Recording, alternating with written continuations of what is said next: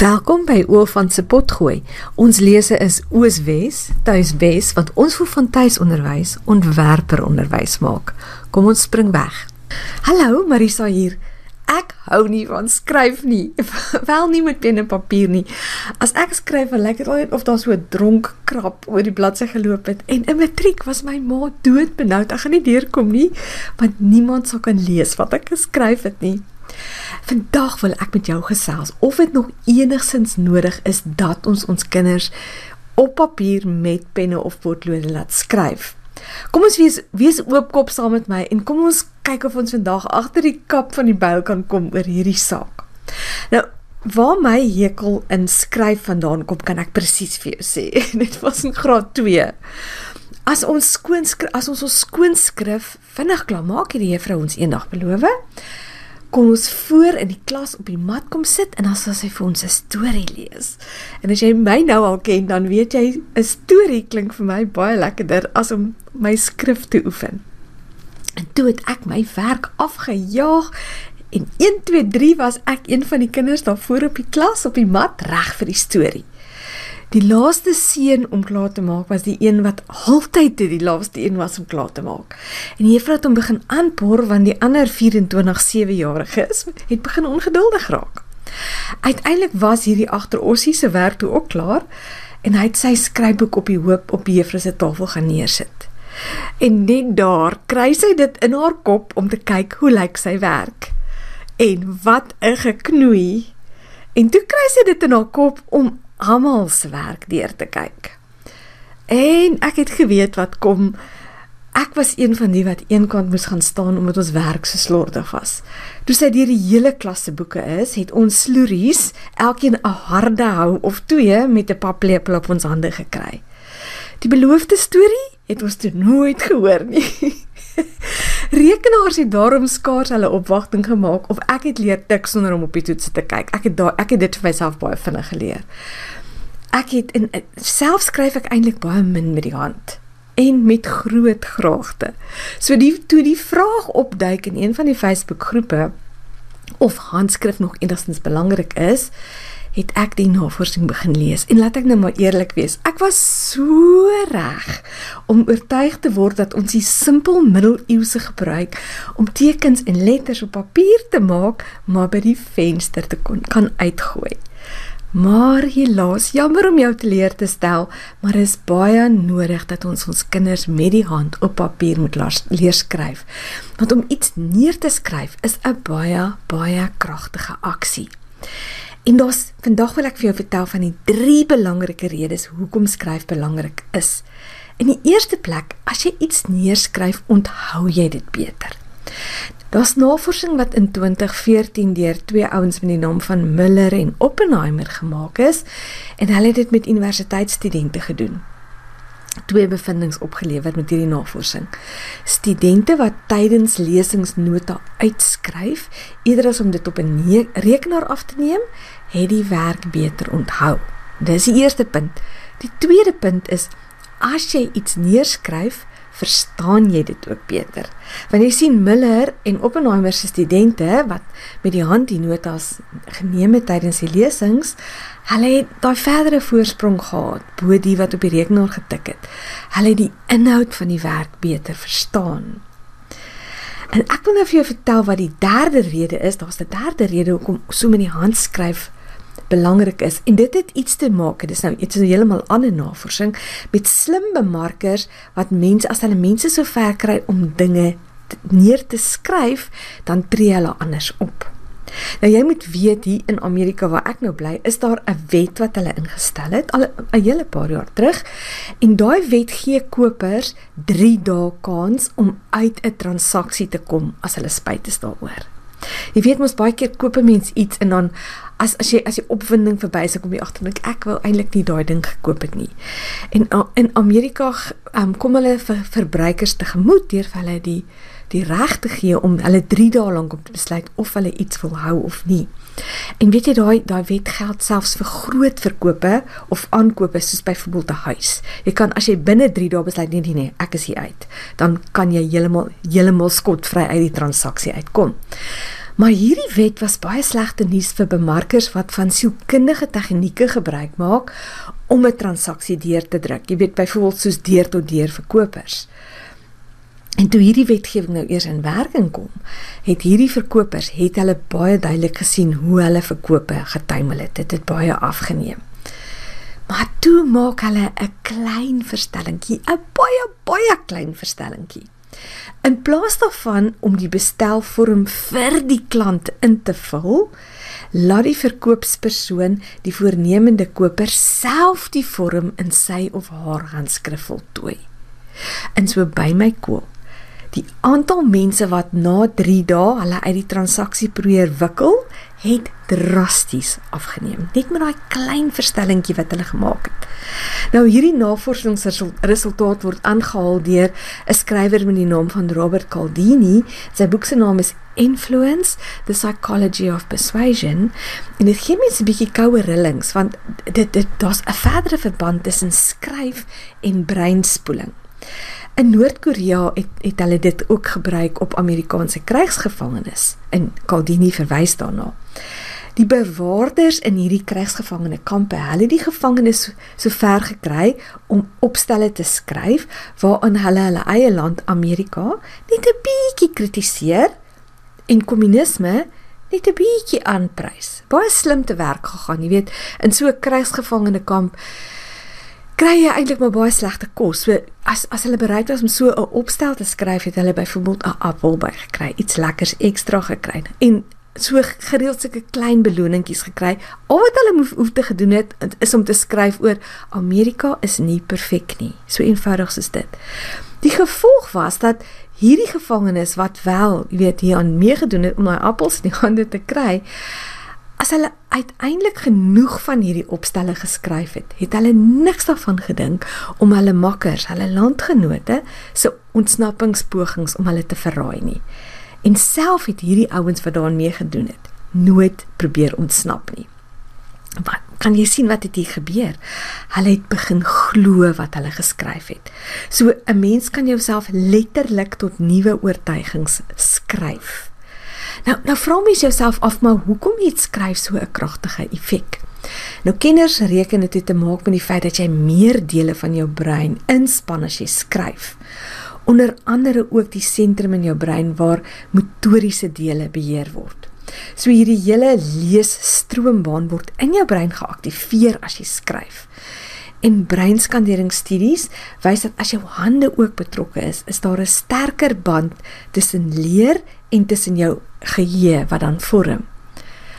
Veral met lopende skrif word oog-hand-koördinasie, fyn metodiese vaardighede en baie ander brein- en geheue-funksies ingespan.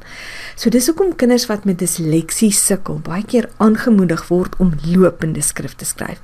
In Engels praat hulle van curs, hulle noem dit cursive writing. As jy dit dalk wil wil verder navors. Goed, dis nou al goed en wel, maar wat, wat doen jy met iemand soos ek byvoorbeeld wat niks van skryf hou nie? Of is jy is jy so 'n kind wat niks van skryf hou nie? Wel, jy kan om jy te begin kan jy so redeneer. Jy kan sê dis nie nodig dat jou kinders netjies moet kan skryf nie. Jy weet daai ding waaroor my ma moet bekommerd was dat iemand my skrif gaan kan uitmaak nie. Jou kind hoef nie netjies te kan skryf nie. Jou kind hoef net vinnig te kan skryf. Want dis ook interessant dat die navorsing dit uitwys. Dis die vermoë om vinnig te skryf wat vir iemand 'n voorsprong gee. Jy kan dink in 'n eksamensituasie, ehm um, gaan dit gaan dit verseker vir jou 'n voorsprong gee. En daar is ook navorsing, daar is navorsing gedoen, soos byvoorbeeld in Columbia in Amerika by die universiteit in in Queensland in, in Australië by daai universiteit het hulle dit ook gesien. Goed, en dis regtig baie goeie nuus vir leelikskrywers soos ek. Maar nou kan 'n mens ook, jy's 'n tuiskooler, onthou ons praat oor ontwerperonderwys. Jy pas, jy maak dinge laat tot dit jou pas. En dan kan jy ook in die teenoorgestelde rigting gaan. En ek wil vir jou vertel van hierdie een tuiskoma, haar naam is Nadine. Sy's 'n Suid-Afrikaanse tuiskoma en sy het 'n webwerf met die naam Practical Pages. En sy het 'n heeltemal ander aanslag. En sy het haar laat inspireer deur hierdie aanhaling van Charlotte Mason. Let the child accomplish something perfectly in every lesson. So vir haar jonger kinders, laat Nadine hulle toe om net 2 of 3 perfekte letters in 'n les in 'n klas te maak. So haar effens ouer kinders, so dis wat sy bedui op haar op haar webwerf, hoef net een sin per dag volmaak te kan skryf. So nou wil ek jou sê ontwerper onderwys, as jy kan maak wat jy wil. Nou kan jy begin kyk wat werk die beste vir jou kinders. As jy fokus op spoed vir lelik skrywers soos ek of as jy fokus op netheid waar hulle baie min doen, maar hulle doen dit verskriklik netjies. En na die kort breek het ek vir jou nog twee wenke wat jy kan gebruik om hierdie hele skryfding vir julle makliker te maak. Ek is Heidi Lampreg en ek en my man het in 2017 die besluit geneem om ons oudste seun te tuis onderrig. Wieke was toe graad 5 en reeds gediagnoseer met ADD, lae spiertonus en 'n ekspressiewe spraakagterstand. Hy het skool toe al gehad en enigiets wat met leer en skryf gepaard gegaan het, het hy verpes. 15 minute Afrikaans is deur Mattie Du Plessis van Dynamis vir my aanbeveel. En tydens my ondersoek daarvan het ek instinktief geweet hierdie gaan werk.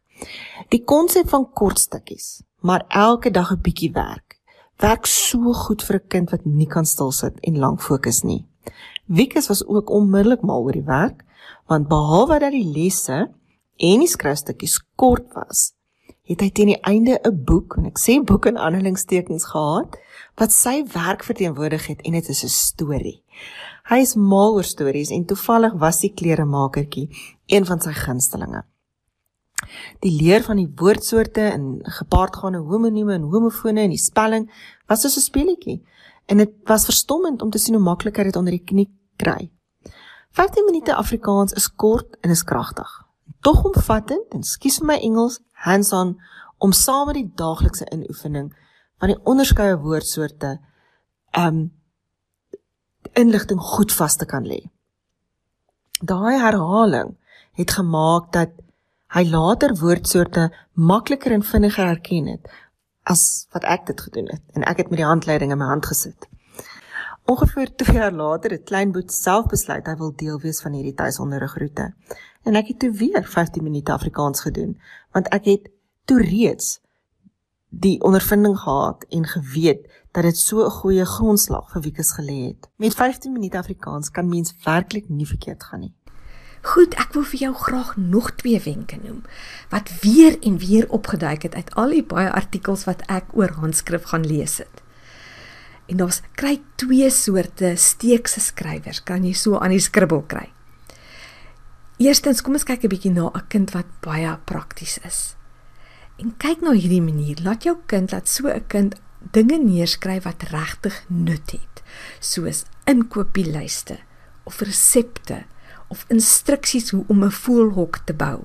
As dit is as jy so 'n soort kind het wat wil prakties wil goed maak, wil iets daarmee bereik, is weet dis nie een kind wat vreeslik in sy kop en in verbeeldingswêreld leef nie is dit dalk 'n manier om die skryf om die skryfblok te oorkom. Maar dan kan jy ook gaan kyk na jou kunsinnige kind, 'n kind wat regtig baie verbeeldingryk is. En vir so 'n kind gaan jy sorg dat daar 'n wye verskeidenheid interessante skryfbenodigdhede in jou huis is. Soos mooi papier en gekleurde penne en inkleurpotlode en gom met blinkertjies in dat hulle prentjies kan plak. Goed. So daat jy nou al my gedagtes oorskryf.